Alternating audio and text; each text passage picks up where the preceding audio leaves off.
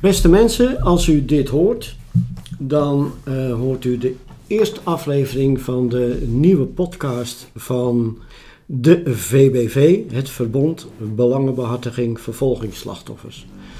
Maar voordat ik eh, verder ga met eh, mijn gast, wil ik even eerst wat huishoudelijke mededelingen doen. Ik ben Leo van Gelderen, journalist van beroep en voor de mensen die uh, de nieuwsbrief regelmatig uh, onder ogen krijgen, zullen mij herkennen als uh, de schrijver en,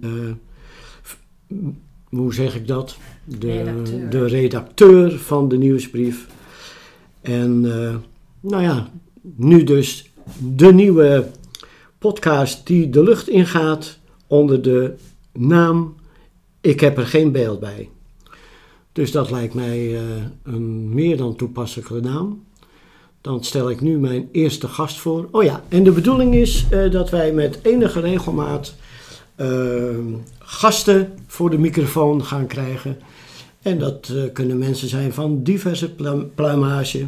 Het hoeft niet altijd bloedserieus. Het mag met een lach, het mag met een traan. Whatever. De eerste gast die wij bij deze eerste podcast in de stoel hebben zitten is uh, Florie Neter. Florie is de voorzitter van de VBV. En zij woont in uh. En ik woon in Oostwoud. En voor degenen die niet precies op het netvlies hebben waar die plaatsjes of dorpjes liggen.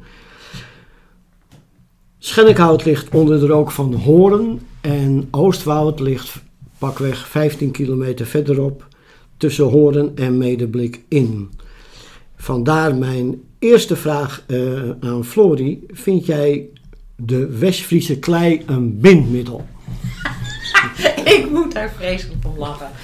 Uh, ik, uh, ik denk wel dat het een bindmiddel is, want er is tussen ons een, altijd een enorme spirituele klik. Maar ik, voor mezelf is klei ook een bindmiddel. Want dat is, het, het is het bindmiddel dat mij verbindt aan mijn onderduikouders, waar ik ben gekomen toen ik net geboren was in mei 1942. Ik zal bij hen gekomen zijn in eind mei, juni 42. Dat weet ik eigenlijk helemaal niet. En dat was in Horen? Dat was in Horen. En dat waren echte Westfriezen. Dus ik was altijd een mooie mooitje. En ik, ik kan het nog, hè. Het gaat, het gaat ook nooit over. Uh, maar uh, wat ik daar uh, echt geleerd heb is niet lullen, maar poetsen. Als je niks te zeggen hebt, hou je je mond. En als je wel wat te zeggen hebt, dan zullen we heel goed naar je luisteren. De klei is voor mij verbonden met betrouwbaarheid, met heerlijke wind, met water, met eigenlijk alles wat ik fijn vind. Hey, en, en jouw onderduikouders, dat jij daar kwam, waren dat jonge mensen? Ja, mijn onderduikouders waren allebei 24 jaar. Uh, woonden op dat moment, uh, ze, waren woonachtig in Utrecht, of schoon ze uit Hoorn kwamen. Maar ze verhuisden naar Hoorn. En het, het enige wat ik weet, op het Centraal Station in Amsterdam, toen zij dus op doorreis waren, hebben ze mij gekregen. Dus in het begin kraaide daar geen haan naar, want het waren gewoon twee jonge mensen die in Horen aankwamen met een baby. Die, ja, dus misschien zijn er nog mensen geweest die vanaf dat moment in de ooievaar hebben geloofd. Ja, dat moeten ze wel, want ze zeiden ook allemaal: God, wat lijkt dat kind op de vader.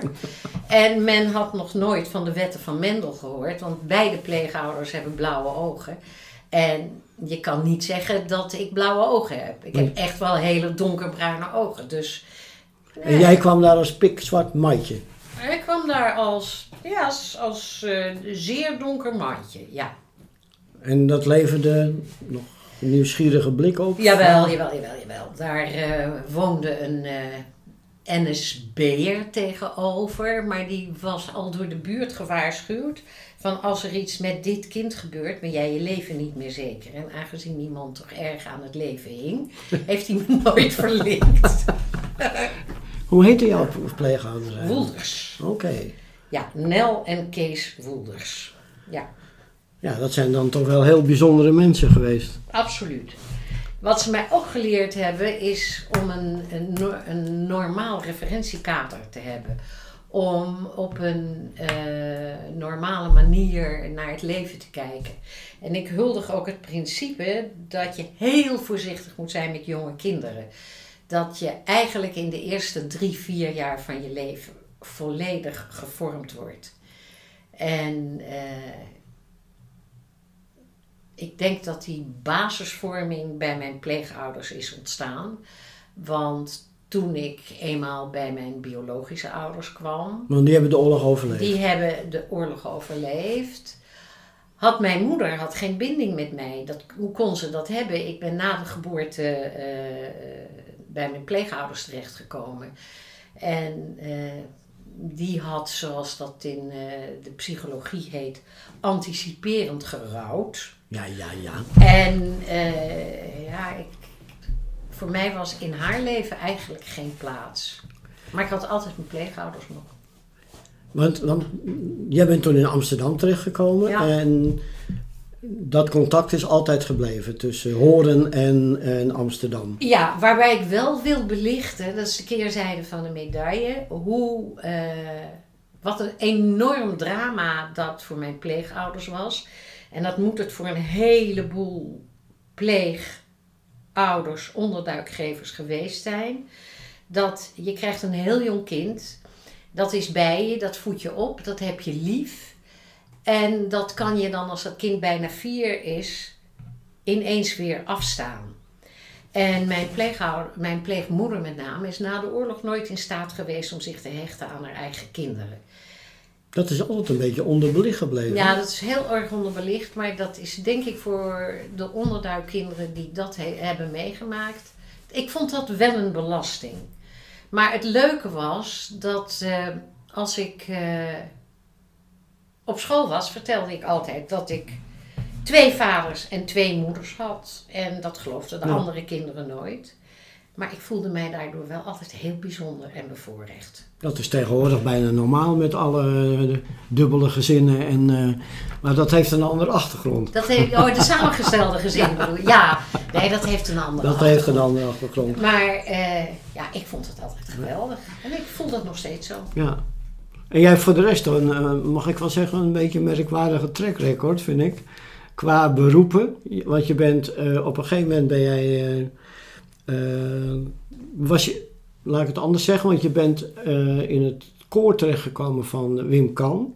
Maar ging, was jij daarvoor al naar een opleiding? Uh... Nou, ik vanaf dat ik. ik denk dat ik op mijn tiende gitaar ben gaan spelen. En ik heb altijd gezongen. En er was in die periode, zo na de oorlog was er in uh, uh, Amsterdam-Zuid een voorzanger, meneer Moskowitz. En meneer Moskowitz was edelsmid en voorzanger. En Familie van? Nee, helemaal niet. Helemaal, echt helemaal niet. Volgens mij schrijf je het ook anders. Nee, helemaal niet. En uh, die man was eigenlijk zijn tijd ver vooruit. Die hoorde mij zingen. En die vond dat ik moest zingen. Dus als er iets ik denk dat ik veertien was, dat ik samen met hem op uh, uh, de, de Sederviering, dus Joods Pasen, uh, zong ik duetten met die man. En die heeft mij enorm gestimuleerd om te zingen. En eigenlijk, als ik niet op zoveel weerstand was gestuurd, was ik misschien voorzanger geworden. Want dat vind ik eigenlijk nog steeds heel erg leuk. Maar dat ben ik dus niet geworden, want in die tijd was zeker binnen de, zowel binnen de liberale gemeente als binnen de orthodoxe gemeente natuurlijk geen, geen plaats voor een vrouwelijke voorzanger. Stel nee. je voor. Stel je nee, dat had niet gekund. Nee, dat had echt niet gekund. Maar ik zong altijd, dus ik ben naar het conservatorium gegaan, naar mijn middelbare school. En toen kreeg Wim Kan mij in het oog. En die dacht dat, ik een, dat er uit mij een geweldige cabaretière zou kunnen groeien. Hoe kwam je op dat idee? Ja, ik denk dat hij mij een, een, een, een leuk, leuke meid van een leuk kind vond. Hoe oud was ik? 17, 18 in die tijd. En uh, dat ik een leuke cabaretière zou kunnen worden, daarin had hij het mis. Want ik weet nog dat ik. eh, het, het openingsnummer heette 8 uur precies. En zoiets staat er niet voor niets. Want om 8 uur precies, dan wordt er gestart. Enzovoort. En dan zaten wij allemaal in de starthouding met een korte sportbroek aan. Nou, ik kwam uit een redelijk behoudende omgeving en met blote benen. Maar op dat was wel heftig. Ja, dat vond ik wel heftig. Dat vond ik eigenlijk wel. Beetje erg. Maar goed. Maar in welke zaal stonden jullie dan? In eigenlijk alle theaters in Nederland. In, eh, maar we begonnen dan in Bellevue, in het eh, de Lamar Theater. Oh, dus je bent een hele tour ja, met de kleine komedie, eh, Stadstheater van Groningen, Leeuwarden, echt overal. Ja, ik heb zo wat van de wereld gezien. Ja. En je ouders vonden dat wel prima? Ook was al lang uit huis Oh, geplaatst. oké. Oh, Want zoals ik eerder Tuurlijk. zei, mijn moeder vond mij niet zo leuk. Ik kwam uit de klei, want daar is de klei toch wel weer eh, eh, op van toepassing. Dus, en mijn moeder was naaister. En mijn moeder dacht dat Ja. ik een paasei was. Dus ik kreeg altijd mooiste jurkjes, maar ik wilde alleen maar spijkerbroek aan. Precies. Dus Ja, de Dat- klei staat dan voor nuchterheid bedoel je? de klei staat voor nuchterheid, voor geen fratsen en geen, eh, geen toeters en bellen Ja. aan je kleding. En wa- En wanneer zag jij bij, eh, eh, want je zong bij Kan. Wanneer zag jij eigenlijk dat je, dat je dacht van nou dat cabaret, dat voor mezelf gaat hem niet worden? Na een jaar, maar ik wist inmiddels wel dat ik kon zingen. Dus daarna heb ik met een pianist ja, door Nederland getoerd met, eh, en in Scandinavië, want ik ben in, in Gothenburg geweest. En in Finland, in Turku, en in Helsinki en in Oslo. Eh, dat, eh, En dan traden jullie met z'n tweeën op. ja, en dan dus eigenlijk volksliedjes met als zwaartepunt Joodse volksliedjes. Dus Jiddisch, Israëlisch en Ladino. En daar was ook in het, eh, toen in, in de Scandinavische landen belangstelling voor, of niet? Er was zoveel belangstelling voor dat ik ook nog een jaar in Oslo heb gewoond, waar ik een eigen radioprogramma had. In het Zweeds. In het Noors. Oh ja, natuurlijk. Hè, Ja, hè? in het Noors. ja, ja. Als ik erg mijn best doe, dan spreek ik nog wel Noors. Nou, Dat is wel mijn best doen hoor. Ja, dat is toch wel bijzonder. Ja. Waarom, waarom ben je daarmee opgehouden? Eh, omdat die pianist was Stevens mijn ex-echtgenoot, die eigenlijk violist was en vond dat mijn zangkunsten ondergeschikt waren aan Mm. zijn kunsten. En in die periode eh, was ik niet zo assertief. Dus, en ik ben heel makkelijk van doe ik het een niet, dan doe ik het ander wel. Toen, eh, eh, eh, onder dat motto ben je toen piano's gaan bouwen, stemmen. Ja. Toen ben ik een opleiding gaan. Dat is een beetje moeilijk. Daarbij, ik moet even dan heel kort vertellen dat ik als kind, nadat ik het vioolconcert van Beethoven had gehoord, bedacht van vioolspelen leer ik nooit, maar ik kan wel vioolbouwer worden. Dat stuitte op nogal wat verzet.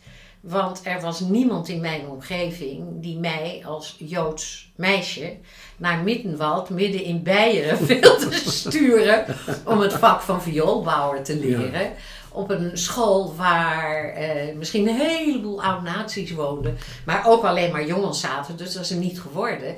Dus toen dat zingen wat minder werd, dacht ik van nou ja, dan geen vioolbouwer, dan kan ik toch op zijn minst pianobouwer worden.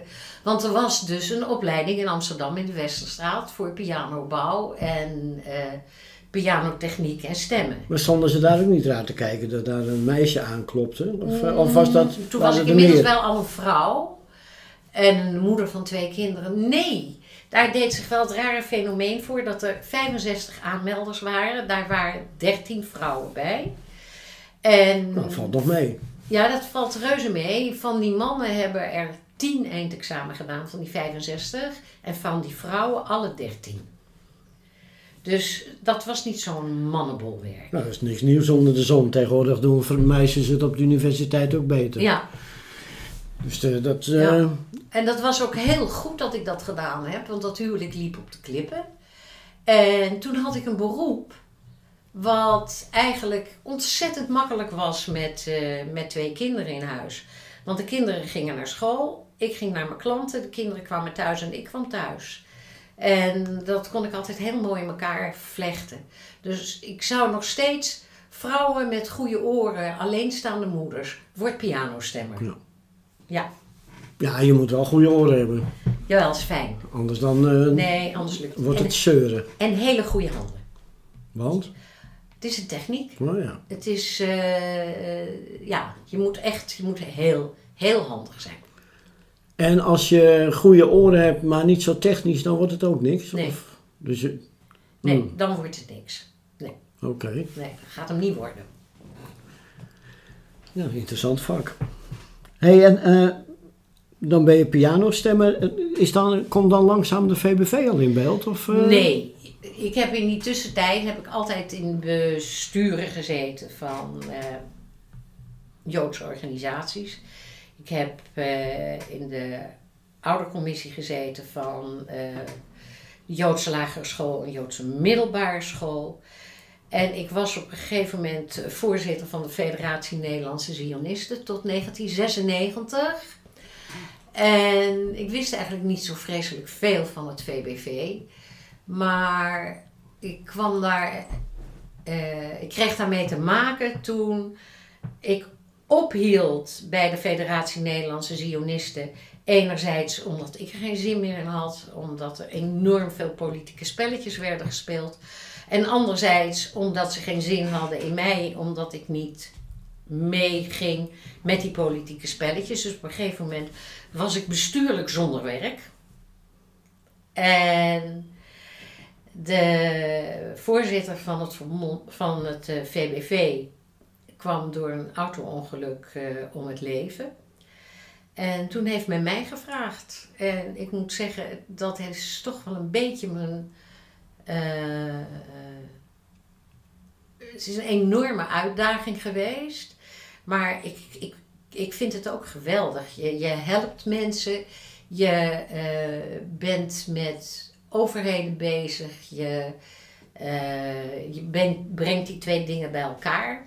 En dat heeft me altijd enorm geboeid. Oké. En in een, eer- een eerder praatje wat wij al hadden, vertelde je ook dat je, dat je eh, als je terugkijkt naar, eh, eh, je, naar de tijd van Wim Kan, dat je aan hem eigenlijk te danken hebt dat jij makkelijk voor grote groepen praat. Dat vond ik ook wel. Ja, ik heb, ja, dat is ook zo. Ik heb dat jaar bij, bij Wim Kan is waarschijnlijk wel mijn. heeft de grootste impact gehad op mijn, eh, ehm, verbale. op mijn verbale ontwikkeling. Je, ik stap heel makkelijk over een, een stuk podiumvrees heen. En ik heb enorm geleerd om vanaf dat podium de zaal in te kijken. Ik kan ook nooit spreken of optreden of wat dan ook voor een zaal die in de duisternis is gehuld. Ik wil de mensen zien. En dan, ik kan heel goed een groep mensen lezen. En dat heb ik echt bij Wim Kan geleerd. En dat vind ik, eh, daar ben ik ontzettend blij mee. Dus, dus je bent ook niet zenuwachtig voordat je. eh, Even. Even. gezonde spanning noemen ze dat, geloof ik. Nou, gezonde spanning. Het is eh, niet zo erg als, dat is wel een mooi verhaal, dat is ook een dramatisch verhaal. Ik moest een keer optreden voor de Rode Kruis. En ze hadden mij niet van tevoren ingelicht hoe het publiek eruit zou zien. En juist omdat ik zo erg gefocust ben op het publiek, eh, was dit zo rampzalig. Want wat zag ik? Mensen zonder armen, mensen zonder benen. Mensen die eh, met een penseeltje in hun mond mij zaten te probeerden om mij te gaan schilderen. En ik kijk die zaal in en het is, het is echt zo dat als je ergens van schrikt, dat je geen woord meer kan uitbrengen. Ik stond daar dus, ik hapte naar lucht, ik wilde gaan praten, want ik leidde altijd mijn eigen liedjes in. En er kwam geen geluid uit mijn keel. Dus dat doek moest dicht. En ik moest mij echt herpakken en een glas water drinken. En toen dacht ik van ja, dit krijg ik op mijn netvlies. Dit krijg ik te zien. Vooruit met de geit. Maar ja, dat is een van de meest eh, opmerkelijke uh, optredens geweest. Waarbij de interactie tussen de zaal en mijzelf te groot was. Maar verder vind ik dat wel een eitje, ja. Ja, dat doet mij denken. Ik, ik heb zelf een keer voor de krant heb ik een reportage gemaakt. Toen ben ik mee geweest met een, uh, met een uh, botter. Met kinderen die, dat waren, die waren verminkt door branden. En mijn ervaring was in het begin had je echt zoiets van wow. Maar als we eenmaal onder, op een gegeven moment had je bijna niet meer in de gaten dat, er, dat die kinderen met, sommigen waren echt ernstig verminkt, anderen minder. Maar dat, op een gegeven moment heb je dat niet meer in de gaten. Nee.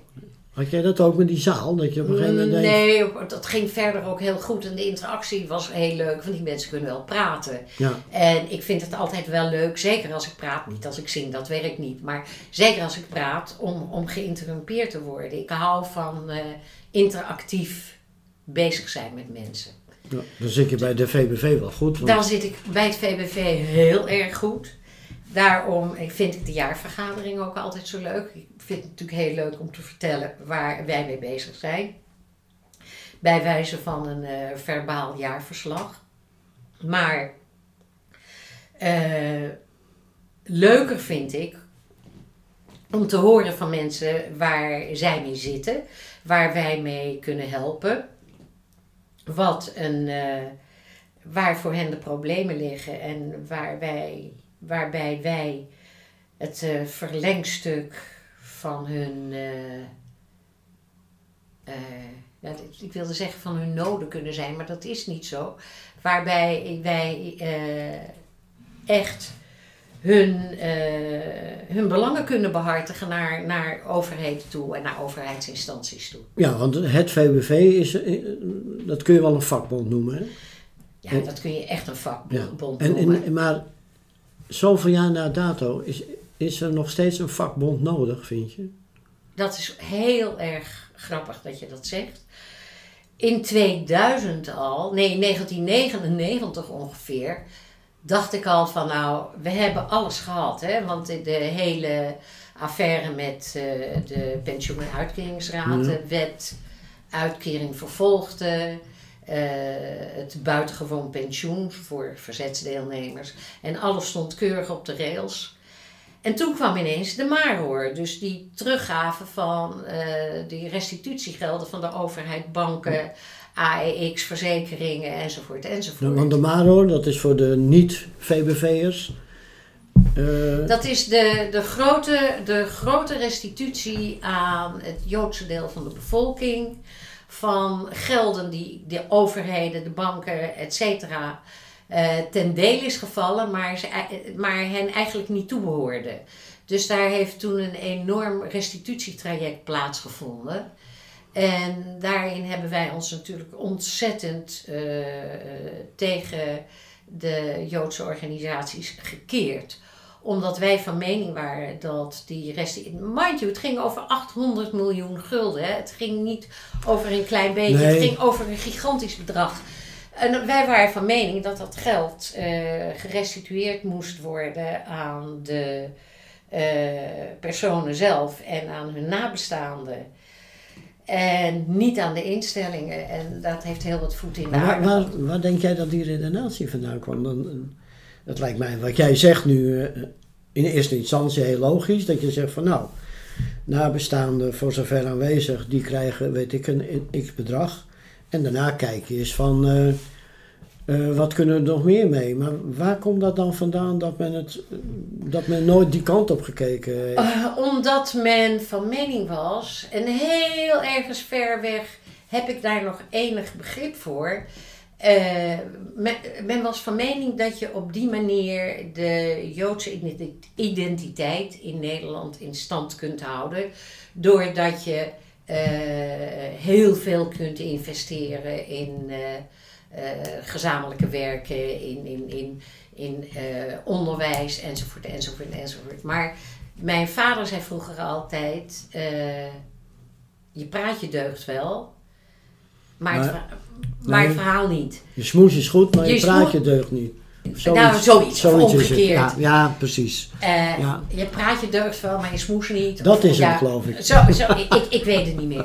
Maar, uh, en dat vond ik oprecht omdat met zoveel geld, uh, dat je geld wil om je eigen samenleving in stand te houden, vind ik nog enigszins redelijk. Maar zo'n bedrag is niet meer redelijk. En uiteindelijk zijn er geen instellingen vervolgd, maar er zijn mensen vervolgd. Ik vind het ook van een.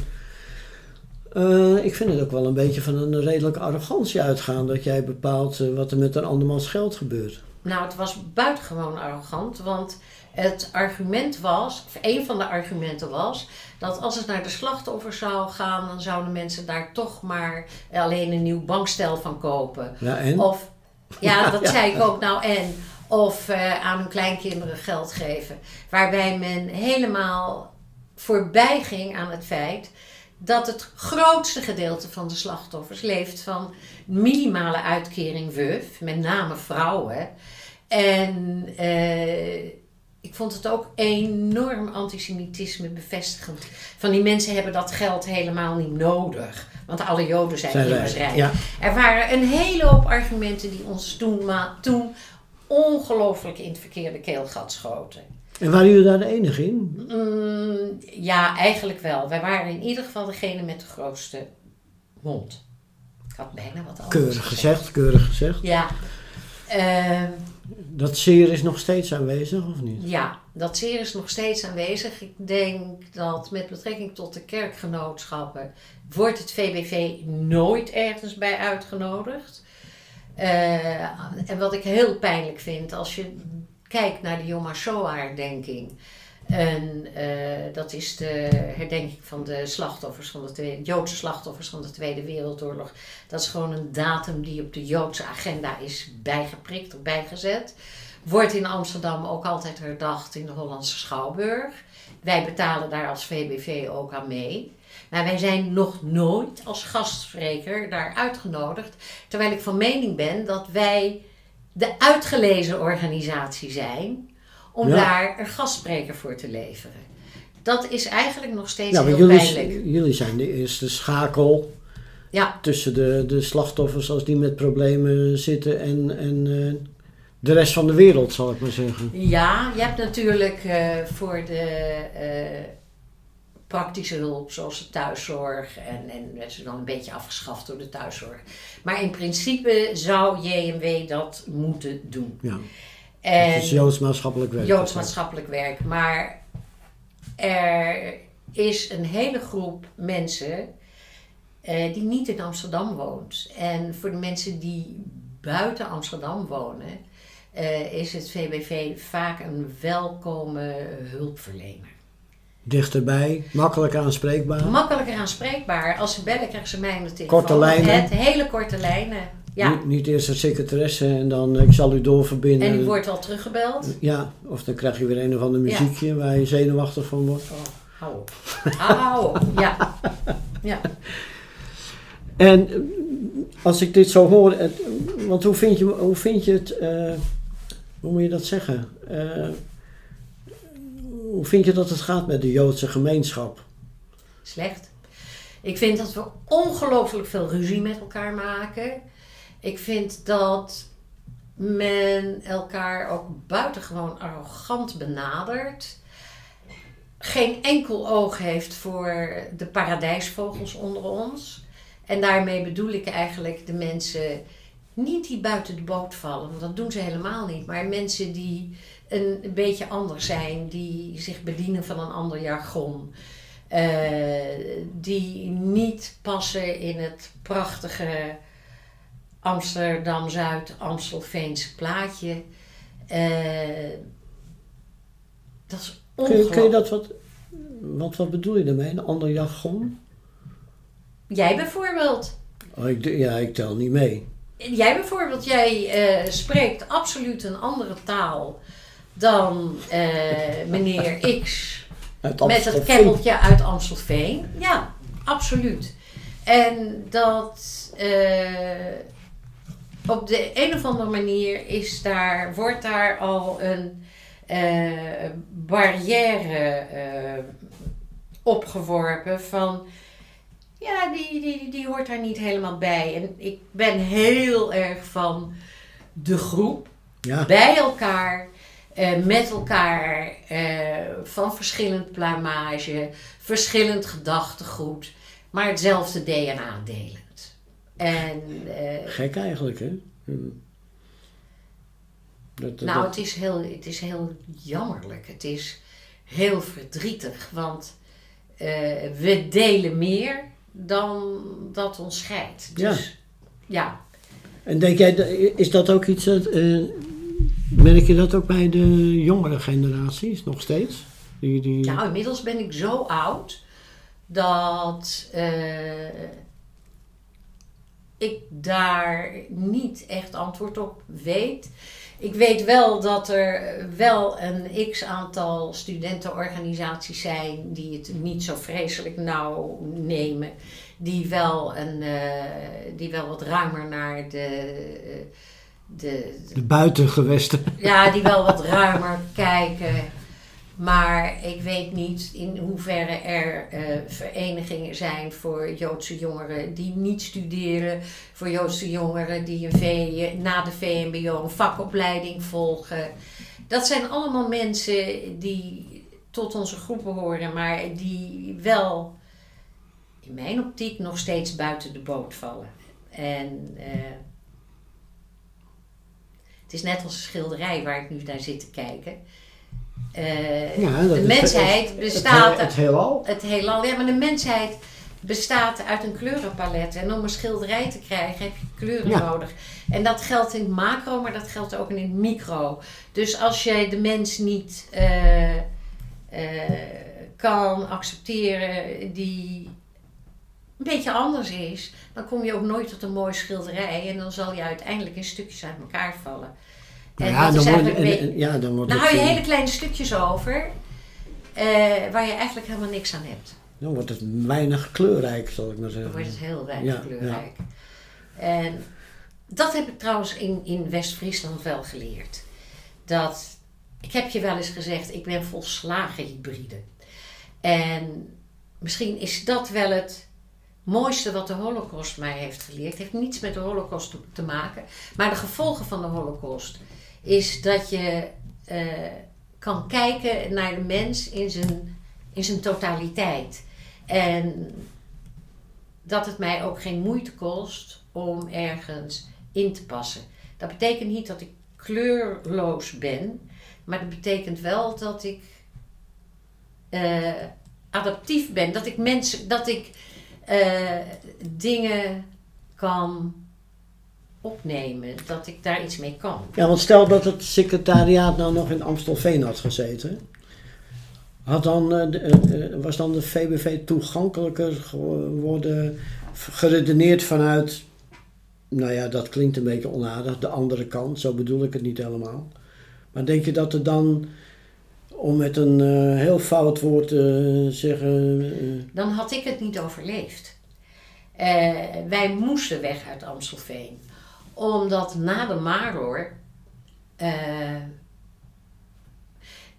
kijk, ik kreeg op een gegeven moment uh, bonje met de mensen waar ik intens van hield. Ik heb een rouwproces doorgemaakt. Dus als ik in Amstelveen was blijven wonen. En ik was iedereen tegengekomen op het winkelcentrum. God mag het weten waar, waar je loopt. Dan uh, dat had ik helemaal dat had ik niet aangekund. Ja, dan krijg je dat eh, wat nu het, eh, zeg maar in families het Trump-effect is. Oh, absoluut. Want ik, ik sprak gisteravond nog even een uh, vriendin van mij uit uh, Jeruzalem. En die heeft een Amerikaanse vriendin.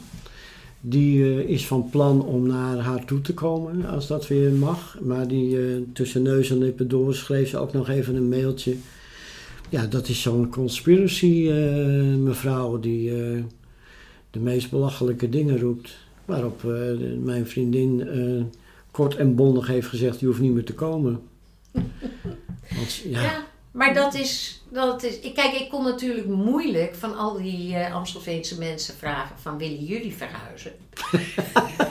dat was het summum van arrogantie Nee, geweest. maar dat had de oplossing geweest. Dat was de oplossing Je geweest. moet Amstelveen, eh zet ze twee jaar in Schellinghout en Oostwoud Ja, en er is geen enkele ruzie meer. nou absoluut. Dus wij zijn zelf weggegaan.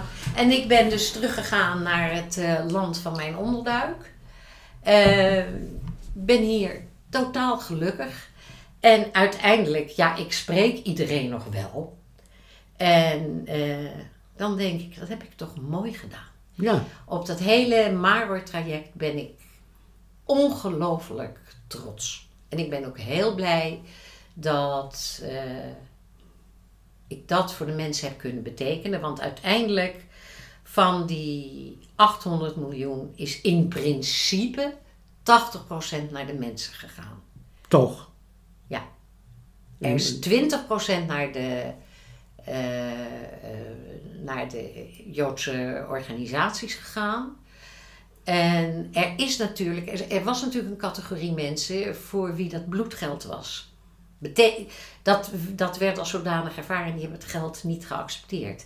Dat is natuurlijk allemaal, Ja, dat is niet bij de mensen gekomen, maar dat is, het is in stichtingen Ja, dat moet iedereen voor zich weten Ja, natuurlijk. dat moet iedereen voor daar, daar, eh, dat, daar kun je ook niet intreden. Nee, dat, eh, maar in principe is 80% uitbetaald aan de mensen. Nou, Nou, ik, ik kom nog wel eens bij jou thuis en dan valt het me wel op dat die telefoon dagelijks nog steeds rood gloeiend staat. Dus wat dat er gaat, denk ik dat het nog steeds, dat het eh, verbond nog steeds eh, bestaansrecht heeft. Maar ik denk wel eens van, jeetje mina, de- de- word je er af en toe niet heel moe van? van Jawel, maar ik bescherm mezelf. Ik kijk nooit naar oorlogsfilms. Eh, ik kijk zelfs niet naar de podcast van Yom HaShoah. Dat is niet omdat ik geen respect heb. Uiteraard heb ik dat. Maar eh, ik ben op een gegeven moment moet je jezelf ook beschermen. En eh, je behoeden voor een overkill, want dan verdrink je erin. En dat, eh, dat doe ik Want dus kun niet. jij makkelijk, kun jij problemen die zich voordoen makkelijk van je afzetten? Ja. Maar daar moet ik wel bij zeggen, ik heb Ed, mijn echtgenoot dus. En Die houdt je in de klei. ja, die houdt mij ongelooflijk in de klei, dat is echt waar. En, eh, maar ik kan het wel delen. Dus op die manier debrief je jezelf ook Ja. wel. Maar voor wat de noden van het VBV betreft, we hebben de, eh, nog steeds zaken het ghetto-pensioen betreffende. We hebben verleden jaar de afronding gehad eh, met de, het eh, fiscaliseren van Duitse uitbetalingen door de Nederlandse overheid. Ja, dat was ook nog een leuke Ja, rol voor de Belastingdienst. Ja, dat. Nou ja, eigenlijk was dat een soort hetzelfde. toeslagaffaire. Ja, eigenlijk hetzelfde. dat is eigenlijk, daar hebben we tien jaar aan gewerkt. Ik ben wel iemand van de lange adem. Ja, Ik heb altijd zoiets van uiteindelijk, als ik maar lang genoeg zeur, krijg ik mijn zin. dus je bijt je er wel in vast. Ja, ik kom er altijd weer op terug. Ja, Ik weet niet of ik me erin vastbijt. en op de een of andere manier komen er ook altijd mensen op mijn pad die bepaalde dingen beter weten dan ik. Zoals met dat eh, belasting eh, eh, kwam Ronald Vecht ineens op mijn pad.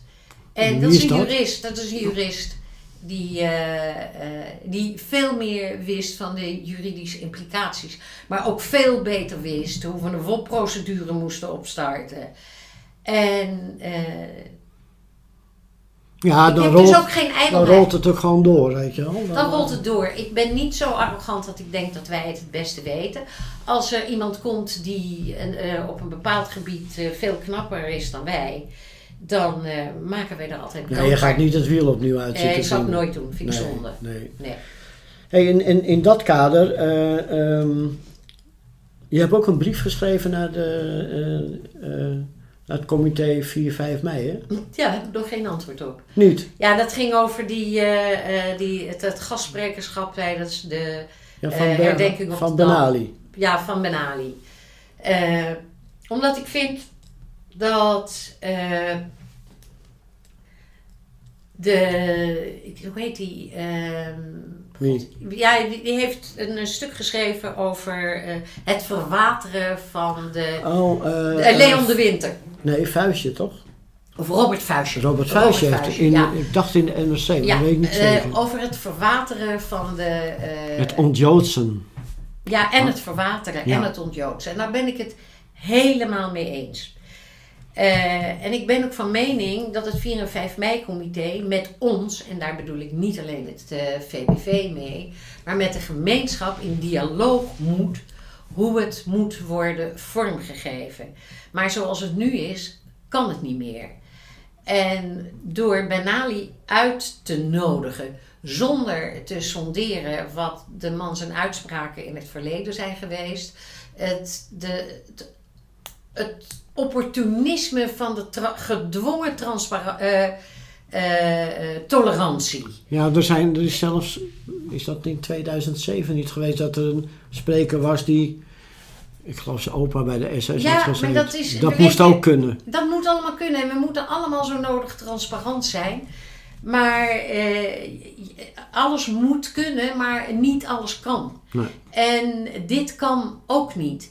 En ik vind dat als je de veteranen wil herdenken tegelijkertijd op de Dam, terwijl er een veteranendag is, dan vind ik dat je die veteranen moet herdenken op die veteranendag. En dat je de herdenking op de Dam eh, moet houden ter nagedachtenis van die 120.000 Joden die er vergast zijn en die 270, 56 of 270, ik weet het aantal niet uit mijn hoofd, Roma en Sinti. En eh, daar moet je het bij houden. En als je Indonesië daarbij sleept, dan, kan dat nog net. Maar dan heb je het allemaal, dan heb je het wel gehad. Dan heb je wel genoeg nationale sores te herdenken. zo was het toch ook opgezet? hoor? Zo is het opgezet. En ik vind dat het 4 en 5 mei-comité Lees het Koninklijk Huis eh, erg eh, hand in eigen boezem moet steken. Omdat de Nederlandse overheid natuurlijk buitengemeen coöperatief is Nou ja, kijk, ik, ik vind als, als ik daar naar kijk, ik ga er niet heen. Ja, dan is het een soort oranje show waarbij dan een paar eh, hoogwaardigheidsbekleders eh, trots als een pauw naar het midden lopen. En dan, dan mag er eh, ergens tussen de tussen het, het, het eh, zeg maar plaatsen van de, van de kransen mag er dan ook nog één eh, ondersteunende overlevende nog een kransje leggen. En dat is het dan wel.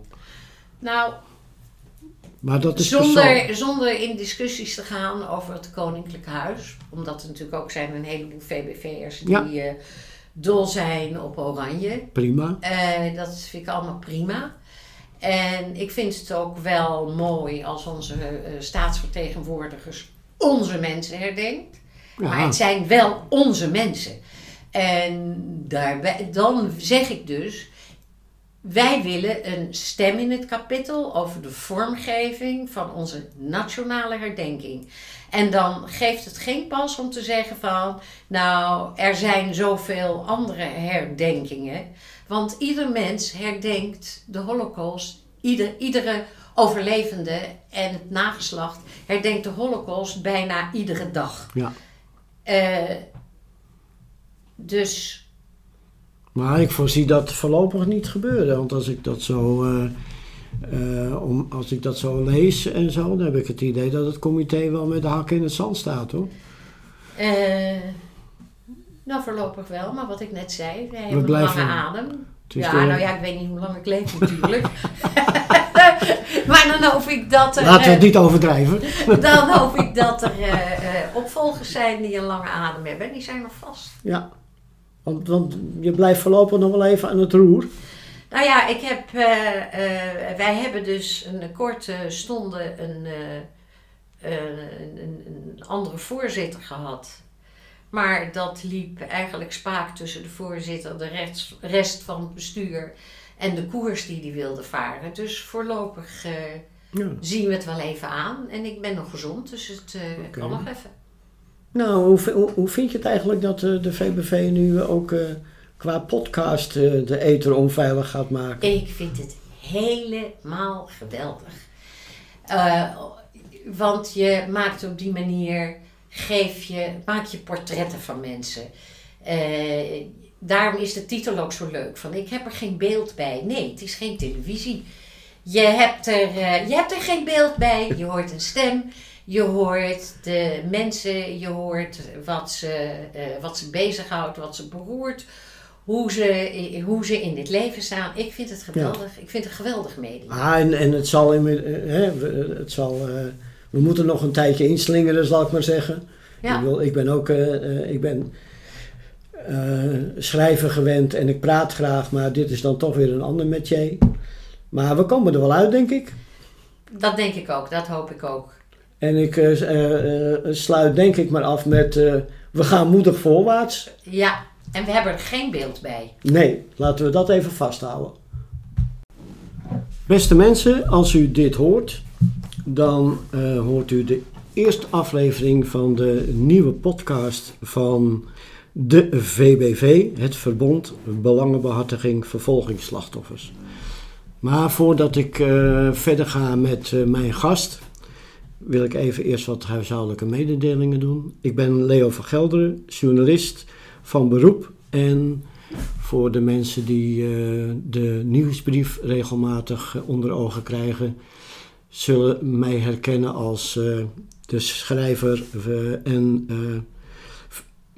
hoe zeg ik dat? De redacteur, de redacteur van de nieuwsbrief.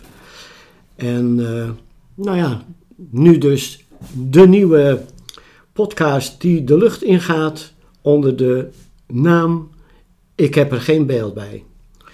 Dus dat lijkt mij uh, een meer dan toepasselijke naam. Dan stel ik nu mijn eerste gast voor. Oh ja, en de bedoeling is uh, dat wij met enige regelmaat gasten voor de microfoon gaan krijgen. En dat uh, kunnen mensen zijn van diverse pluimage. Het hoeft niet altijd bloedserieus. Het mag met een lach, het mag met een traan. Whatever. De eerste gast die wij bij deze eerste podcast in de stoel hebben zitten is Florie Florie is de voorzitter van de VBV. En zij woont in Schellinghout. En ik woon in Oostwoud. En voor degenen die niet precies op het netvlies hebben uh, waar die plaatsjes of dorpjes liggen. Schennekhout ligt onder de rook van Horen en Oostwoud ligt pakweg 15 kilometer verderop tussen Horen en Medeblik in. Vandaar mijn eerste vraag uh, aan Florie. Vind jij de Westfriese klei een bindmiddel? ik moet daar vreselijk om lachen. Uh, ik, uh, ik denk wel dat het een bindmiddel is, want er is tussen ons een, altijd een enorme spirituele klik. Maar ik, voor mezelf is klei ook een bindmiddel, want dat het, het is het bindmiddel dat mij verbindt aan mijn onderduikouders, waar ik ben gekomen toen ik net geboren was in mei 1942. Ik zal bij hen gekomen zijn in eind mei, juni 42. Dat weet ik eigenlijk helemaal niet. En dat was in Horen? Dat was in Horen. En dat waren echte Westfriezen. Dus ik was altijd een mooie mooitje. En ik, ik kan het nog, hè. Het gaat, het gaat ook nooit over. Uh, maar uh, wat ik daar uh, echt geleerd heb is niet lullen, maar poetsen. Als je niks te zeggen hebt, hou je je mond. En als je wel wat te zeggen hebt, dan zullen we heel goed naar je luisteren. De klei is voor mij verbonden met betrouwbaarheid, met heerlijke wind, met water, met eigenlijk alles wat ik fijn vind. Hey, en, en jouw onderduikouders, dat jij daar kwam, waren dat jonge mensen? Ja, mijn uh, onderduikouders waren allebei 24 jaar uh, woonde op dat moment. Uh, ze, ze, waren woonachtig in Utrecht, of schoon ze uit Hoorn kwamen. Uh, maar ze verhuisden naar Hoorn. En het enige wat ik weet, op het Centraal Station in Amsterdam, toen zij dus op doorreis waren, hebben ze mij gekregen. Dus in het begin kraaide daar geen haan naar, want er waren gewoon twee jonge mensen die in Hoorn aankwamen met een baby. Die, eh, ja, dus misschien zijn er nog mensen geweest die vanaf dat moment in de ooievaar hebben geloofd. Ja, dat moeten ze wel, want ze zeiden ook allemaal: God, wat lijkt dat kind op de vader. En men had nog nooit van de wetten van Mendel gehoord, want beide pleegouders hebben blauwe ogen. En je kan niet zeggen dat ik blauwe ogen heb. Ik heb echt wel hele donkerbruine ogen. Dus, En jij kwam daar als pikzwart matje. Ik kwam daar als, ja, als, als uh, zeer donker matje, ja. En dat leverde nog een nieuwsgierige blik op? Jawel, jawel, jawel, jawel. Daar uh, woonde een uh, NSB'er tegenover, maar die was al door de buurt gewaarschuwd van als er iets met dit kind gebeurt, ben jij je leven niet meer zeker. En aangezien die man toch erg aan het leven hing, heeft hij me nooit verlinkt. Hoe heette jouw pleegouders Woelders. Oké. Ja, Nel en Kees Woelders. Ja. Ja, dat zijn dan toch wel heel bijzondere mensen geweest. Absoluut. Wat ze mij ook geleerd hebben is om een, een, een normaal referentiekader te hebben. Om op een uh, normale manier naar het leven te kijken. En ik huldig ook het principe dat je heel voorzichtig moet zijn met jonge kinderen. Dat je eigenlijk in de eerste drie, vier jaar van je leven volledig gevormd wordt. En uh, ik denk dat die basisvorming bij mijn pleegouders is ontstaan. Want toen ik eenmaal bij mijn biologische ouders kwam. Want die hebben de oorlog overleefd. Die hebben de oorlog overleefd. Had mijn moeder had geen binding met mij. Dat, hoe kon ze dat hebben? Ik ben na de geboorte uh, bij mijn pleegouders terechtgekomen. En uh, die had, zoals dat in uh, de psychologie heet, anticiperend gerouwd. Ja, ja, ja. En ja, ik, voor mij was in haar leven eigenlijk geen plaats. Maar ik had altijd mijn pleegouders nog. Want, want jij bent toen in Amsterdam terechtgekomen Ja. en dat contact is altijd gebleven tussen Horen en, en Amsterdam. Ja, waarbij ik wel wil belichten, dat is de keerzijde van de medaille, hoe, eh, wat een enorm drama dat voor mijn pleegouders was. En dat moet het voor een heleboel pleegouders, onderduikgevers geweest zijn. Dat je krijgt een heel jong kind, dat is bij je, dat voed je op, dat heb je lief. En dat kan je dan als dat kind bijna vier is, ineens weer afstaan. En mijn, mijn pleegmoeder met name is na de oorlog nooit in staat geweest om zich te hechten aan haar eigen kinderen. Dat is altijd een beetje onderbelicht gebleven. Ja, dat is heel erg onderbelicht, maar dat is denk ik voor de onderduikkinderen die dat he hebben meegemaakt. Ik vond dat wel een belasting. Maar het leuke was dat uh, als ik uh, op school was, vertelde ik altijd dat ik twee vaders en twee moeders had. En dat geloofden de ja. andere kinderen nooit. Maar ik voelde mij daardoor wel altijd heel bijzonder en bevoorrecht. Dat is tegenwoordig bijna normaal met alle uh, dubbele gezinnen. En, uh, maar dat heeft een andere achtergrond. Dat heeft, oh, de samengestelde gezin ja. bedoel Ja, nee, dat heeft een andere Dat heeft een andere achtergrond. Maar uh, ja, ik vond het altijd geweldig. En ik voel dat nog steeds zo. Ja. En jij voor de rest, een, mag ik wel zeggen, een beetje een merkwaardige trackrecord, vind ik. Qua beroepen. Want je bent, op een gegeven moment ben jij... Uh, was je, laat ik het anders zeggen, want je bent uh, in het koor terechtgekomen van Wim Kan. Maar ging, was jij daarvoor al naar een opleiding? Uh... Nou, ik vanaf dat ik. ik denk dat ik op mijn tiende gitaar ben gaan spelen. En ik heb altijd gezongen.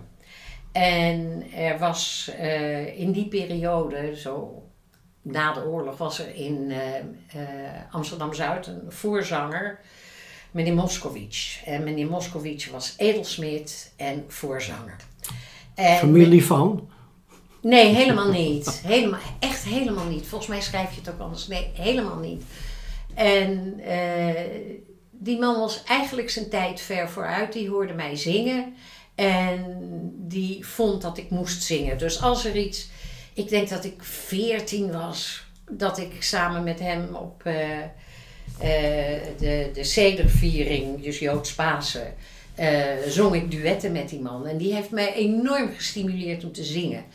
En eigenlijk, als ik niet op zoveel weerstand was gestuurd, was ik misschien voorzanger geworden. Want dat vind ik eigenlijk nog steeds heel erg leuk. Maar dat ben ik dus niet geworden, want in die tijd was zeker binnen de, zowel binnen de liberale gemeente als binnen de orthodoxe gemeente natuurlijk geen, geen plaats voor een vrouwelijke voorzanger. Stel nee. je voor. Stel je. Nee, dat had niet gekund. Nee, dat had echt niet gekund. Maar ik zong altijd, dus ik ben naar het conservatorium gegaan, naar mijn middelbare school. En toen kreeg Wim Kan mij in het oog. En die dacht dat, ik een, dat er uit mij een geweldige cabaretière zou kunnen groeien. Hoe kwam je op dat idee? Ja, ik denk dat hij mij een, een, een, een leuk, leuke meid van een leuk kind vond. Jouw oud was ik 17, 18 in die tijd. En eh, dat ik een leuke cabaretière zou kunnen worden, daarin had hij het mis. Want ik weet nog dat ik. Uh, het, openingsnummer heette 8 uur precies. En zoiets staat er niet voor niets. Want om 8 uur precies dan wordt er gestart. enzovoort. En dan zaten wij allemaal in de starthouding met een korte sportbroek aan. Nou, ik kwam uit een redelijk behoudende omgeving en met blote benen. Oh, dat was wel heftig. Ja, dat vond ik wel heftig. Dat vond ik eigenlijk wel. Een beetje erg. Maar goed. Maar in welke zaal stonden jullie dan? In eigenlijk alle theaters in Nederland. In, eh, maar we begonnen dan in Bellevue, in het, de, eh, de Lamar Theater. Oh, dus je bent de hele tour Ja, de Kleine Comedie, uh, Stadstheater van Groningen, Leeuwarden, echt overal. Uh, ja, ik heb zo wat van de wereld gezien. Ja. En je ouders vonden dat wel prima? Ook was al lang uit huis geplaatst. Oh, oké. Okay. Want zoals ik eerder zei, mijn moeder vond mij niet zo leuk. Ik kwam uit de klei, want daar is de klei toch wel weer uh, uh, op van toepassing. Dus, en mijn moeder was naaister. En mijn moeder dacht dat ik een paasei was. Dus ik kreeg altijd mooiste jurkjes, maar ik wilde alleen maar spijkerbroek aan. Precies. Dus. Ja, ja de klei staat dan voor nuchterheid bedoel je? De klei staat voor nuchterheid voor geen fratsen en geen, uh, geen toeters en bellen aan je kleding. Ja. En wanneer zag jij bij, uh, uh, want je zong bij Kan, wanneer zag jij eigenlijk dat je, dat je dacht van nou dat cabaret, dat voor mezelf gaat hem niet worden? Na een jaar, maar ik wist inmiddels wel dat ik kon zingen. Dus daarna heb ik met een pianist ja, door Nederland getoerd met, uh, en in Scandinavië, want ik ben in, in Gothenburg geweest. En in Finland, in Turku, en in Helsinki en in Oslo. Uh, dat, uh, en dan traden u met z'n tweeën op? Ja, en dan dus eigenlijk volksliedjes met als zwaartepunt Joodse volksliedjes. Dus Jiddisch, Israëlisch en Ladino. En daar was ook in het, uh, toen in, in de Scandinavische landen belangstelling voor, of niet? Was zoveel belangstelling voor dat ik ook nog een jaar in Oslo heb gewoond, waar ik een eigen radioprogramma had. In het Zweeds? In het Noors. Oh ja, natuurlijk. Hè, ja, in het Noors. Ja, ja. Als ik erg mijn best doe, dan spreek ik nog wel Noors. Nou, dat is wel mijn best doen hoor. Ja, dat is toch wel bijzonder. Ja. Waar, waarom ben je daarmee opgehouden?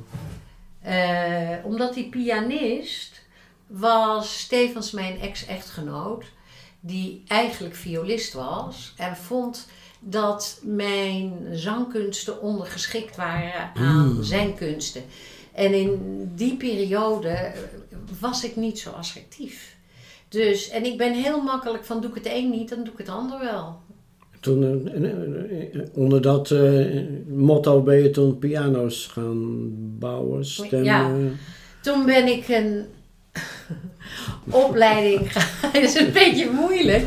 Daarbij, ik moet even dan heel kort vertellen dat ik als kind, nadat ik het vioolconcert van Beethoven had gehoord, bedacht van vioolspelen leer ik nooit, maar ik kan wel vioolbouwer worden. Dat stuitte op nogal wat verzet. Want er was niemand in mijn omgeving die mij als Joods meisje naar Mittenwald, midden in Beieren, wilde sturen om het vak van vioolbouwer te leren. op een school waar eh, misschien een heleboel oud-naties woonden, maar ook alleen maar jongens zaten, dus dat is hem niet geworden. Dus toen dat zingen wat minder werd, dacht ik van nou ja, dan geen vioolbouwer, dan kan ik toch op zijn minst pianobouwer worden. Want er was dus een opleiding in Amsterdam in de Westerstraat voor pianobouw en uh, pianotechniek en stemmen. Maar stonden ze daar ook niet raar te kijken dat daar een meisje aanklopte? Of, mm, of was dat... Toen was ik inmiddels wel al een vrouw en een moeder van twee kinderen. Nee, daar deed zich wel het rare fenomeen voor dat er 65 aanmelders waren. Daar waren 13 vrouwen bij. En, dat valt nog mee. Ja, dat valt reuze mee. Van die mannen hebben er 10 eindexamen gedaan, van die 65. En van die vrouwen alle 13. Dus dat was niet zo'n mannenbolwerk. Nou, dat is niks nieuws onder de zon. Tegenwoordig doen meisjes het op de universiteit ook beter. Ja, dus uh, dat... Uh... En dat was ook heel goed dat ik dat gedaan heb, want dat huwelijk liep op de klippen. En toen had ik een beroep wat eigenlijk ontzettend makkelijk was met, uh, met twee kinderen in huis. Want de kinderen gingen naar school, ik ging naar mijn klanten, de kinderen kwamen thuis en ik kwam thuis. En dat kon ik altijd heel mooi in elkaar vlechten. Dus ik zou nog steeds vrouwen met goede oren, alleenstaande moeders, wordt pianostemmer. Ja. Ja. Ja, je moet wel goede oren hebben. Jawel, is fijn. Anders dan uh, nee, anders lukt het. wordt het zeuren. En hele goede handen. Want? Het is een techniek. Oh ja. Het is, uh, ja, je moet echt, je moet heel, heel handig zijn.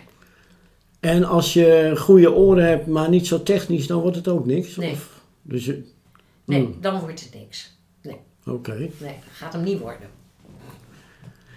Ja, interessant vak hey, en uh, dan ben je pianostemmer. Is dan, komt dan langzaam de VBV al in beeld? Of, uh... Nee, ik heb in die tussentijd heb ik altijd in besturen gezeten van uh, Joodse organisaties.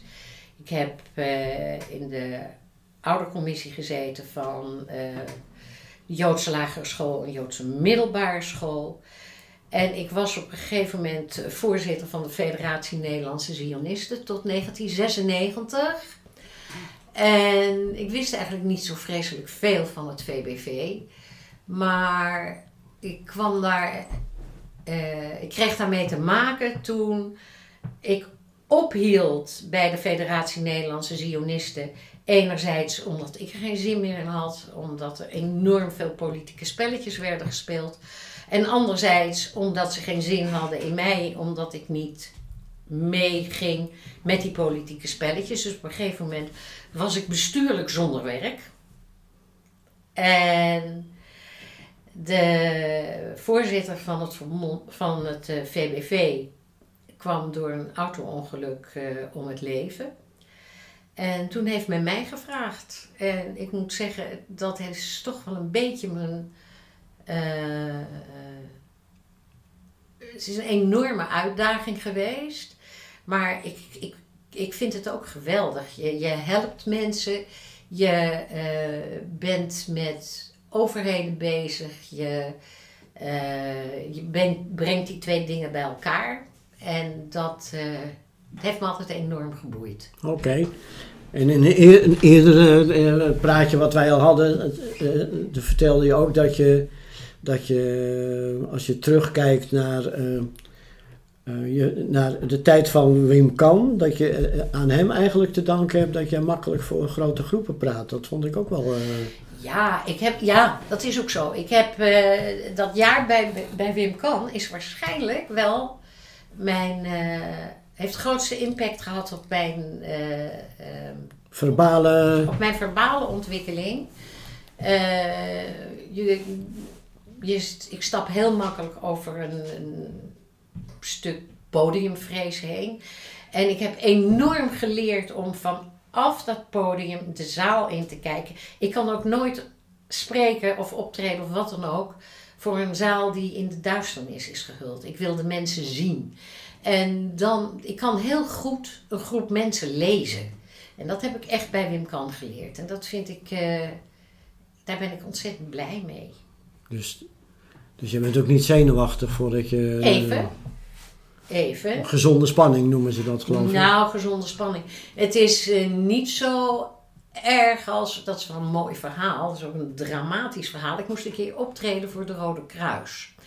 En ze hadden mij niet van tevoren ingelicht hoe het publiek eruit zou zien. En juist omdat ik zo erg gefocust ben op het publiek, eh, was dit zo rampzalig. Want wat zag ik? Mensen zonder armen, mensen zonder benen.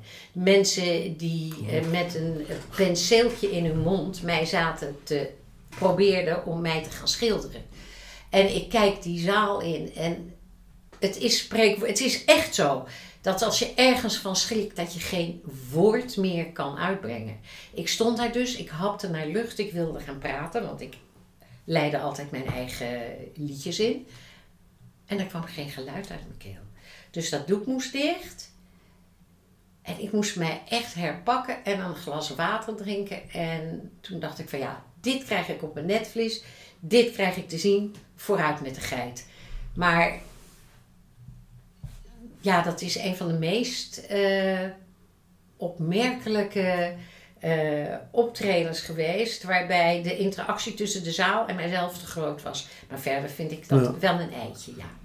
Ja, eh, dat doet mij denken. Ik, ik heb zelf een keer voor de krant uh, heb ik een reportage gemaakt. Toen ben ik mee geweest met een, met een botter. Met kinderen die, dat waren, die waren verminkt door branden. En mijn ervaring was in het begin had je echt zoiets van wow. Maar als we eenmaal onder, op een gegeven moment had je bijna niet meer in de gaten dat, er, dat die kinderen met, sommigen waren echt ernstig verminkt, anderen minder. Maar uh, dat, op een gegeven moment heb je dat niet meer in de gaten. Nee. Had jij dat ook met die zaal? Dat je op een gegeven moment Nee, dat ging verder ook heel goed. En de interactie was heel leuk. Want die mensen kunnen wel praten. Ja. En ik vind het altijd wel leuk. Zeker als ik praat. Niet als ik zing, dat werkt niet. Maar zeker als ik praat. Om, om geïnterrumpeerd te worden. Ik hou van uh, interactief bezig zijn met mensen. Ja, dan zit je bij de VBV wel goed. Want... Dan zit ik bij het VBV heel erg goed. Daarom vind ik de jaarvergadering ook altijd zo leuk. Ik vind het natuurlijk heel leuk om te vertellen waar wij mee bezig zijn.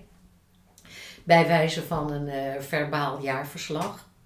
Maar uh, leuker vind ik om te horen van mensen waar zij mee zitten, waar wij mee kunnen helpen, wat een, uh, waar voor hen de problemen liggen en waar wij waarbij wij het uh, verlengstuk van hun, uh, uh, ja, ik wilde zeggen van hun noden kunnen zijn, maar dat is niet zo. Waarbij wij echt hun, hun belangen kunnen behartigen naar, naar overheden toe en naar overheidsinstanties toe. Ja, want het VBV is, dat kun je wel een vakbond noemen. Hè? Ja, dat kun je echt een vakbond ja. noemen. En, maar zoveel jaar na dato, is, is er nog steeds een vakbond nodig, vind je? Dat is heel erg grappig dat je dat zegt. In 2000 al, nee, 1999 ongeveer, dacht ik al van nou, we hebben alles gehad. Hè? Want de, hele affaire met uh, de pensioen- en uitkeringsraad, wet uitkering vervolgde uh, het buitengewoon pensioen voor verzetsdeelnemers. En alles stond keurig op de rails. En toen kwam ineens de Marhoor, dus die teruggave van uh, die restitutiegelden van de overheid, banken, AEX, verzekeringen enzovoort enzovoort. Want de Marhoor, dat is voor de niet-VBV'ers. Uh... Dat is de, de, grote, de grote restitutie aan het Joodse deel van de bevolking van gelden die de overheden, de banken, et cetera, uh, ten deel is gevallen, maar, ze, maar hen eigenlijk niet toebehoorden. Dus daar heeft toen een enorm restitutietraject plaatsgevonden. En daarin hebben wij ons natuurlijk ontzettend uh, tegen de Joodse organisaties gekeerd omdat wij van mening waren dat die rest. Mind you, het ging over 800 miljoen gulden. Hè? Het ging niet over een klein beetje. Het ging over een gigantisch bedrag. En wij waren van mening dat dat geld uh, gerestitueerd moest worden aan de uh, personen zelf en aan hun nabestaanden. En niet aan de instellingen. En dat heeft heel wat voet in de aarde. waar, waar denk jij dat die redenatie vandaan kwam? Dan, eh, dat lijkt mij, wat jij zegt nu, eh, in eerste instantie heel logisch. Dat je zegt van nou, nabestaanden voor zover aanwezig, die krijgen, weet ik, een x bedrag. En daarna kijk je eens van, eh, eh, wat kunnen we nog meer mee? Maar waar komt dat dan vandaan dat men, het, dat men nooit die kant op gekeken heeft? Omdat men van mening was, en heel ergens ver weg heb ik daar nog enig begrip voor. Eh, men, was van mening dat je op die manier de Joodse identi- identiteit in Nederland in stand kunt houden. Doordat je eh, heel veel kunt investeren in eh, gezamenlijke werken, in, in, in, in onderwijs enzovoort, enzovoort, enzovoort. Maar mijn vader zei vroeger altijd: je praatje deugt wel, maar, het, Maar- het verhaal niet. Je smoes is goed, maar je, Je praatje deugt niet. Of Nou, zoiets, het. omgekeerd. Ja, ja, precies. Eh, Ja. Je praatje deugt wel, maar je smoes niet. Dat Of- is ja, geloof ik. Zo, zo, ik, ik, weet het niet meer. Maar, eh, en dat vond ik oprecht, omdat met zoveel geld, eh, dat je geld wil om je eh, eigen samenleving in stand te houden, vind ik nog enigszins redelijk. Maar zo'n bedrag is niet meer redelijk. En uiteindelijk zijn er geen instellingen vervolgd, maar er zijn mensen vervolgd. Ik vind het ook van een. eh, ik vind het ook wel een beetje van een redelijke arrogantie uitgaan dat jij bepaalt eh, wat er met een andermans geld gebeurt. Nou, het was buitengewoon arrogant, want het argument was, of een van de argumenten was, dat als het naar de slachtoffers zou gaan, dan zouden mensen daar toch maar alleen een nieuw bankstel van kopen. Ja, en? Of, ja, dat Ja. zei ik ook nou en. Of eh, aan hun kleinkinderen geld geven. Waarbij men helemaal voorbij ging aan het feit dat het grootste gedeelte van de slachtoffers leeft van minimale uitkering WUF, met name vrouwen.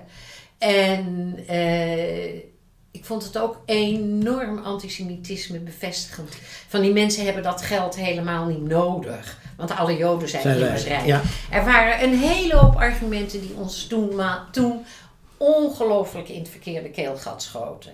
En waren jullie daar de enige in? Mm, ja, eigenlijk wel. Wij waren in ieder geval degene met de grootste mond. Ik had bijna wat anders Keurig gezegd, keurig gezegd. Ja. Ehm, Dat zeer is nog steeds aanwezig, of niet? ja, dat zeer is nog steeds aanwezig. Ik denk dat met betrekking tot de kerkgenootschappen wordt het VBV nooit ergens bij uitgenodigd.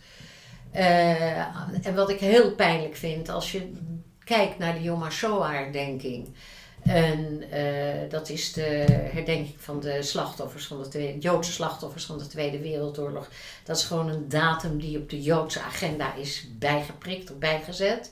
Wordt in Amsterdam ook altijd herdacht in de Hollandse Schouwburg. Wij betalen daar als VBV ook aan mee. Maar wij zijn nog nooit als gastspreker daar uitgenodigd. Terwijl ik van mening ben dat wij de uitgelezen organisatie zijn om Ja. daar een gastspreker voor te leveren.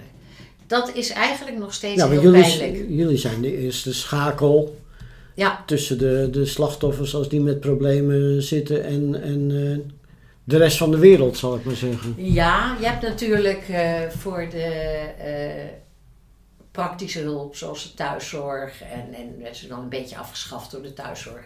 Maar in principe zou JMW dat moeten doen. Ja.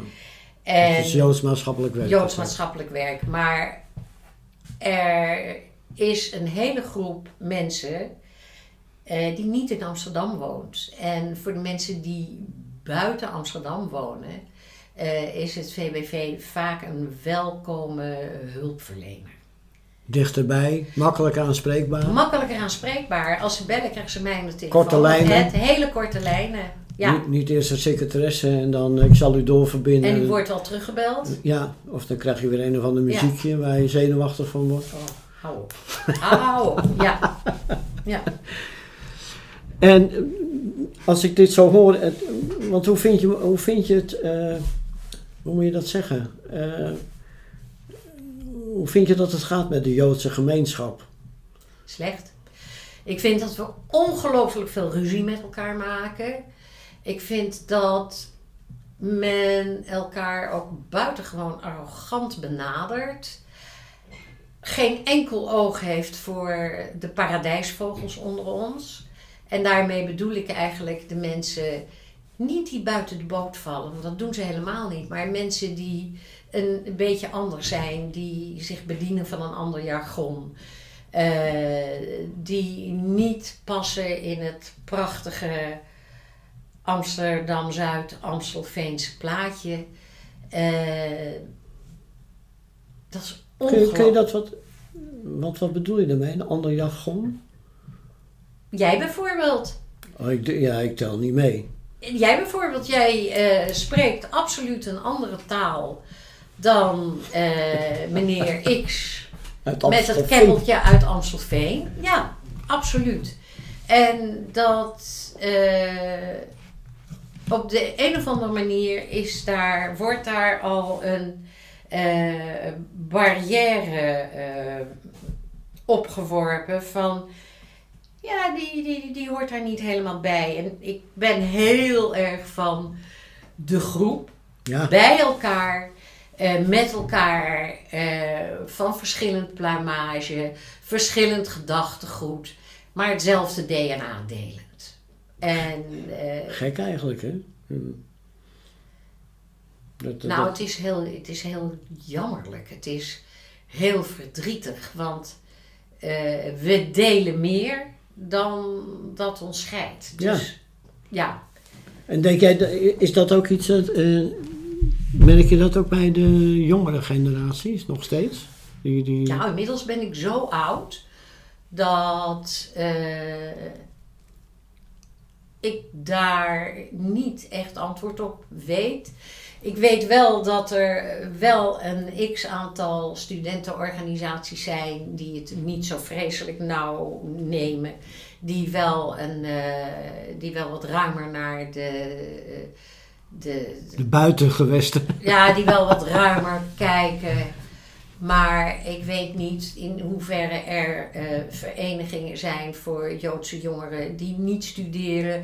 Voor Joodse jongeren die een v, na de VMBO een vakopleiding volgen.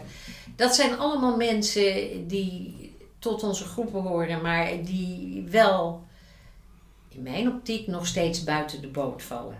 En... Uh, het is net als een schilderij waar ik nu naar zit te kijken. Uh, ja, de mensheid bestaat. Het, het, heelal? Het heelal, ja, maar de mensheid bestaat uit een kleurenpalet. En om een schilderij te krijgen heb je kleuren nodig. En dat geldt in het macro, maar dat geldt ook in het micro. Dus als je de mens niet uh, uh, kan accepteren die een beetje anders is, dan kom je ook nooit tot een mooi schilderij. En dan zal je uiteindelijk in stukjes uit elkaar vallen. En ja, dan ja, dan wordt dan hou je hele kleine stukjes over, uh, waar je eigenlijk helemaal niks aan hebt. Dan wordt het weinig kleurrijk, zal ik maar zeggen. Dan wordt het heel weinig kleurrijk. Ja. En dat heb ik trouwens in, in West-Friesland wel geleerd. Dat, ik heb je wel eens gezegd, ik ben volslagen hybride. En misschien is dat wel het mooiste wat de Holocaust mij heeft geleerd. Het heeft niets met de Holocaust te maken. Maar de gevolgen van de Holocaust is dat je uh, kan kijken naar de mens in zijn, in zijn totaliteit. En dat het mij ook geen moeite kost om ergens in te passen. Dat betekent niet dat ik kleurloos ben, maar dat betekent wel dat ik uh, adaptief ben. Dat ik mensen, dat ik uh, dingen kan opnemen, dat ik daar iets mee kan. Ja, want stel dat het secretariaat nou nog in Amstelveen had gezeten. Had dan, uh, was dan de VBV toegankelijker geworden, geredeneerd vanuit, nou ja, dat klinkt een beetje onaardig, de andere kant, zo bedoel ik het niet helemaal. Maar denk je dat er dan om met een uh, heel fout woord te zeggen. Uh, dan had ik het niet overleefd. Wij moesten weg uit Amstelveen. Omdat na de Maror. kijk, ik kreeg op een gegeven moment. bonje met de mensen waar ik intens van hield. Ik heb een rouwproces doorgemaakt. Dus als ik in Amstelveen was blijven wonen en ik was iedereen tegengekomen op het winkelcentrum, God mag het weten waar, waar je loopt, dan. Uh, dat had ik helemaal, dat had ik niet aangekund. Ja, dan krijg je dat eh, wat nu uh, te, zeg maar in families het Trump-effect is. Oh, absoluut. Want ik, ik sprak gisteravond nog even een vriendin van mij uit Jeruzalem en die heeft een Amerikaanse vriendin.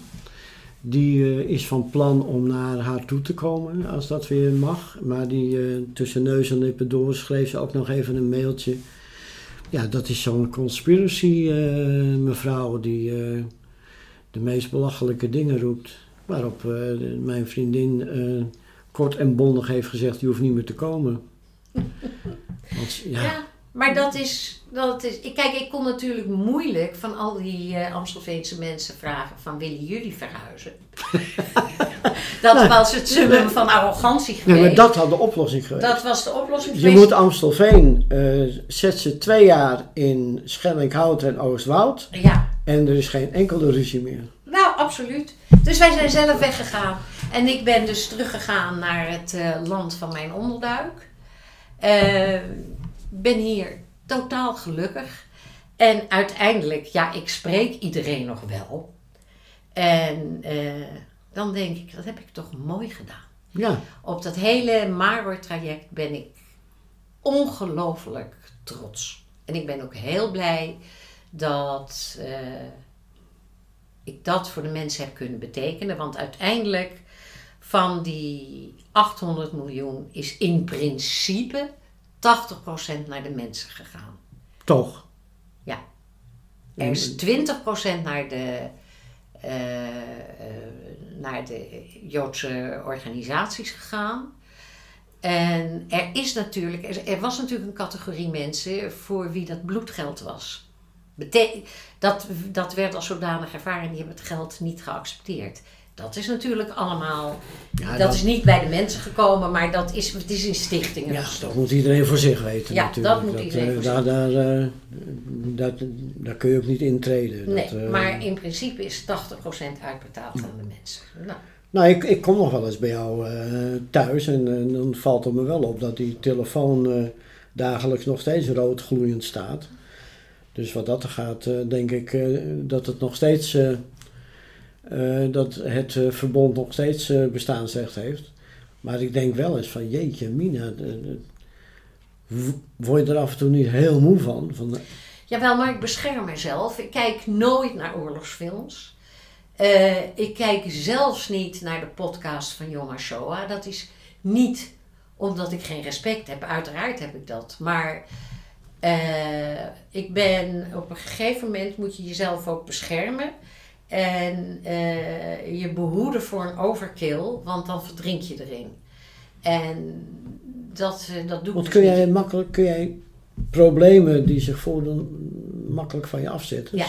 Maar daar moet ik wel bij zeggen, ik heb Ed, mijn echtgenoot dus. En die houdt je in de klei. Ja, die houdt mij ongelooflijk in de klei, dat is echt waar. En, uh, maar ik kan het wel delen. Dus op die manier debrief je jezelf ook wel. Maar voor wat de noden van het VBV betreft, we hebben de, uh, nog steeds zaken het ghetto-pensioen betreffende. We hebben verleden jaar de afronding gehad met de, het eh, fiscaliseren van Duitse uitbetalingen door de Nederlandse overheid. Ja, dat, was ook nog een leuke rol voor de Belastingdienst. Ja, dat, eh, nou ja, eigenlijk was dat een soort uh, toeslagaffaire. eigenlijk hetzelfde. Dat is eigenlijk, daar hebben we tien jaar aan gewerkt. Ik ben wel iemand van de lange adem. Ja. Ik heb altijd zoiets van uiteindelijk, als maar lang genoeg zeur, krijg ik mijn zin. Dus je bijt je er wel in vast? Ja, ik kom er altijd weer op terug. Ja. Ik weet niet of ik me erin vastbijt. en op de een of andere manier komen er ook altijd mensen op mijn pad die bepaalde dingen beter weten dan ik. Zoals met dat uh, belastinggebeuren uh, kwam Ronald Vecht ineens op mijn pad. En dat is, een jurist, dat is een jurist die, die veel meer wist van de juridische implicaties. Maar ook veel beter wist hoe we een WOP-procedure moesten opstarten. En ja, rol... dus ook geen dan rolt het ook gewoon door, weet je wel. Dan, rolt het door. Ik ben niet zo arrogant dat ik denk dat wij het het beste weten. Als er iemand komt die uh, op een bepaald gebied uh, veel knapper is dan wij, dan uh, maken wij er altijd Ja, je gaat niet het wiel opnieuw uitzitten. ik zou het nooit doen, vind ik nee, zonde. Nee. nee. Hey, in, in, in dat kader, um, je hebt ook een brief geschreven naar de het comité 4, 5 mei, hè? Ja, heb ik nog geen antwoord op. Niet? Ja, dat ging over die, uh, die, het, het gastsprekerschap tijdens de ja, van uh, herdenking Van Benali. Ja, van Benali. Uh, omdat ik vind dat de, hoe heet die? Ehm, Wie? Ja, die, heeft een, stuk geschreven over het verwateren van de, oh, de Leon de Winter. Nee, Vuistje toch? Of Robert Vuistje. Robert Vuistje heeft in, ik dacht in de NRC, ja, maar weet ik niet zeker. Uh, over het verwateren van de... Uh, het ontjoodsen. Ja, en het verwateren en het ontjoodsen. En daar ben ik het helemaal mee eens. Uh, en ik ben ook van mening dat het 4 en 5 mei comité met ons, en daar bedoel ik niet alleen het VBV mee, maar met de gemeenschap in dialoog moet hoe het moet worden vormgegeven. Maar zoals het nu is, kan het niet meer. En door Benali uit te nodigen, zonder te sonderen wat de man zijn uitspraken in het verleden zijn geweest, het, de, het, opportunisme van de gedwongen uh, uh, tolerantie. Ja, er, zijn, er is zelfs, is dat in 2007 niet geweest, dat er een spreker was die ik geloof zijn opa bij de SS ja, maar dat, is, dat moest ook kunnen. Dat moet allemaal kunnen. En we moeten allemaal zo nodig transparant zijn. Maar eh, alles moet kunnen, maar niet alles kan. Nee. En dit kan ook niet. En ik vind dat als je de veteranen wil herdenken tegelijkertijd op de Dam, terwijl er een veteranendag is, dan vind ik dat je die veteranen moet herdenken op die veteranendag.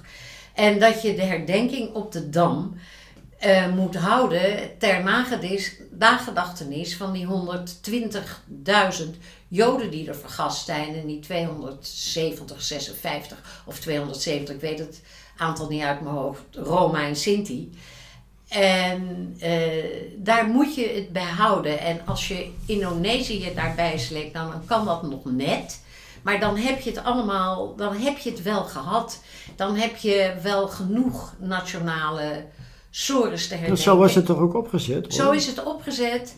En ik vind dat het 4 en 5 mei comité Lees het Koninklijk Huis uh, erg uh, hand in eigen boezem moet steken omdat de Nederlandse overheid natuurlijk buitengemeen coöperatief is. Ah, ja, kijk, ik, ik vind als, als ik daar naar kijk, ik ga er niet heen. Ja, dan is het een soort oranje show waarbij dan een paar hoogwaardigheidsbekleders uh, trots als een pauw naar het midden lopen. En dan dan mag er eh, eh, ergens tussen de tussen het, het, het zeg maar plaatsen van de, van de kransen mag er dan ook nog één uh, ondersteunde overlevende nog een kransje leggen. En dat is het dan wel. Nou, maar dat is zonder, zonder in discussies te gaan over het Koninklijk Huis. Omdat er natuurlijk ook zijn een heleboel VBV'ers die dol zijn op oranje. Prima. dat vind ik allemaal prima. En ik vind het ook wel mooi als onze uh, staatsvertegenwoordigers onze mensen herdenkt. Maar het zijn wel onze mensen. En daarbij, dan zeg ik dus, wij willen een stem in het kapitel over de vormgeving van onze nationale herdenking.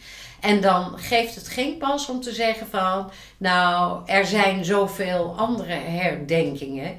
Want ieder mens herdenkt de Holocaust, ieder, iedere overlevende en het nageslacht herdenkt de Holocaust bijna iedere dag. Ja. Uh, dus. Maar ik voorzie dat voorlopig niet gebeuren. Want als ik dat zo. Uh, uh, om, als ik dat zo lees en zo, dan heb ik het idee dat het comité wel met de hakken in het zand staat hoor. Nou, voorlopig wel, maar wat ik net zei, wij hebben een lange adem. Ja, nou ja, ik weet niet hoe lang ik leef natuurlijk. maar dan hoop ik dat er... Laten we het eh, niet overdrijven. dan hoop ik dat er opvolgers zijn die een lange adem hebben. En die zijn nog vast. Ja. Want, want je blijft voorlopig nog wel even aan het roer. Nou ja, ik heb, eh, eh, wij hebben dus een korte stonde een, uh, een, een, een, andere voorzitter gehad. Maar dat liep eigenlijk spaak tussen de voorzitter, de rest, rest van het bestuur en de koers die die wilde varen. Dus voorlopig ja. zien we het wel even aan. En ik ben nog gezond, dus het okay. kan nog even. Nou, hoe, vind je het eigenlijk dat de VBV nu ook qua podcast uh, de ether onveilig gaat maken? Ik vind het helemaal geweldig. Want je maakt op die manier, geef je, maak je portretten van mensen. Daarom is de titel ook zo leuk. Van ik heb er geen beeld bij. Nee, het is geen televisie. Je hebt er, je hebt er geen beeld bij. Je hoort een stem. Je hoort de mensen. Je hoort wat ze, wat ze bezighoudt, wat ze beroert hoe ze, hoe ze in dit leven staan. Ik vind het geweldig. Ik vind het een geweldig medium. Ah, en, en het zal, in, eh, hè, het zal uh, we moeten nog een tijdje inslingeren, zal ik maar zeggen. Ja. Ik, wil, ik ben ook uh, ik ben, schrijver gewend en ik praat graag, maar dit is dan toch weer een ander metier. Maar we komen er wel uit, denk ik. Dat denk ik ook, dat hoop ik ook. En ik sluit denk ik maar af met, we gaan moedig voorwaarts. Ja, en we hebben er geen beeld bij. Nee, laten we dat even vasthouden.